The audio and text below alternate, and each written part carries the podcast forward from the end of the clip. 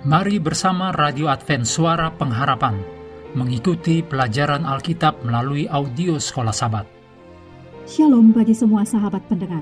Kabar baik bahwa kisah dan kesaksian terkait siaran dan pelayanan AWR Indonesia kini dapat diikuti secara berkala, baik melalui siaran harian Radio Advent Suara Pengharapan, juga melalui YouTube dan Facebook AWR Indonesia.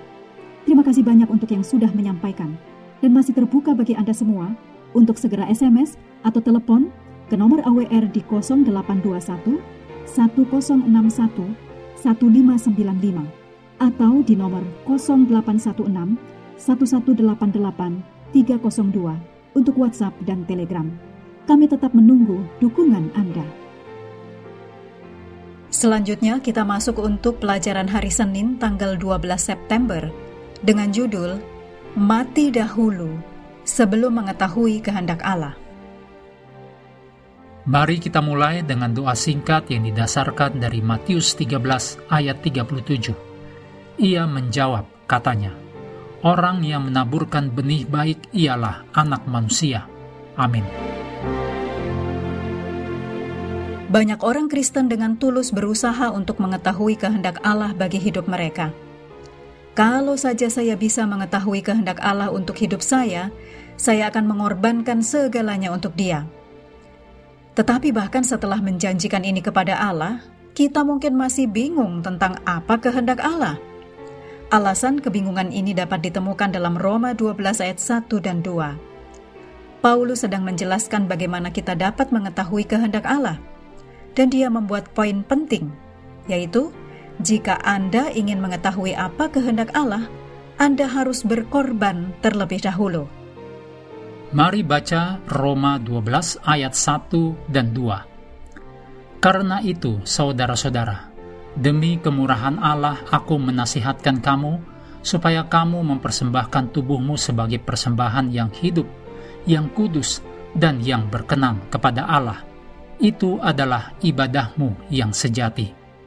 Janganlah kamu menjadi serupa dengan dunia ini, tetapi berubahlah oleh pembaharuan budimu, sehingga kamu dapat membedakan manakah kehendak Allah, apa yang baik, yang berkenan kepada Allah, dan yang sempurna.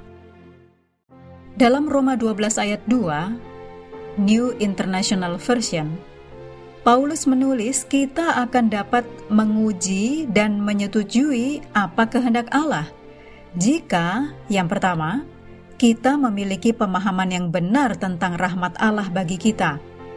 Ditulis dalam Roma 12 ayat yang pertama, New International Version.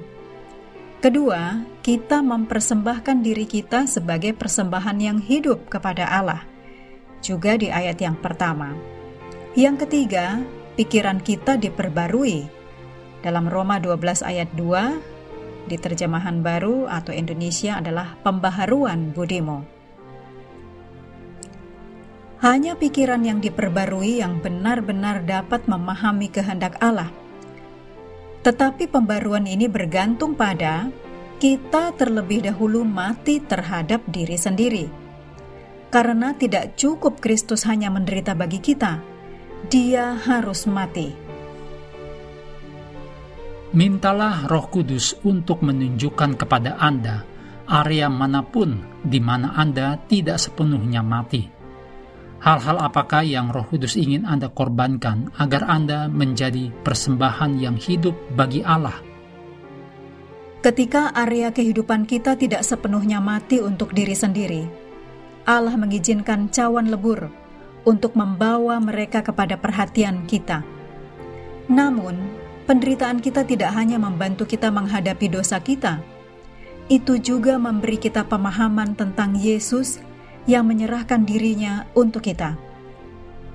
Elizabeth Elliot menulis dalam Quest for Love halaman 182.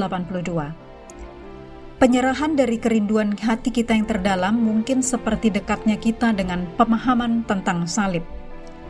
Pengalaman penyalipan diri kita sendiri Meskipun jauh lebih kecil daripada pengalaman juru selamat kita, namun itu memberi kita kesempatan untuk mulai mengenal Dia dalam persekutuan penderitaannya.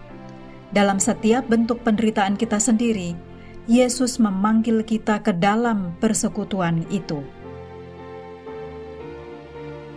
Baca kembali dan doakan Roma 12 ayat 1 dan 2. Pikirkan tentang hal-hal yang harus Anda serahkan agar Anda bisa menjadi satu korban, sehingga hal ini membantu Anda memahami penderitaan yang Yesus hadapi bagi Anda di kayu salib. Kiranya pemahaman ini dapat membantu Anda untuk masuk ke dalam persekutuan dengan Yesus dan penderitaannya. Mengakhiri pelajaran hari ini, mari kembali kepada ayat hafalan kita Yohanes 12 ayat 24. Aku berkata kepadamu, sesungguhnya jikalau biji gandum tidak jatuh ke dalam tanah dan mati, ia tetap satu biji saja. Tetapi jika ia mati, ia akan menghasilkan banyak buah.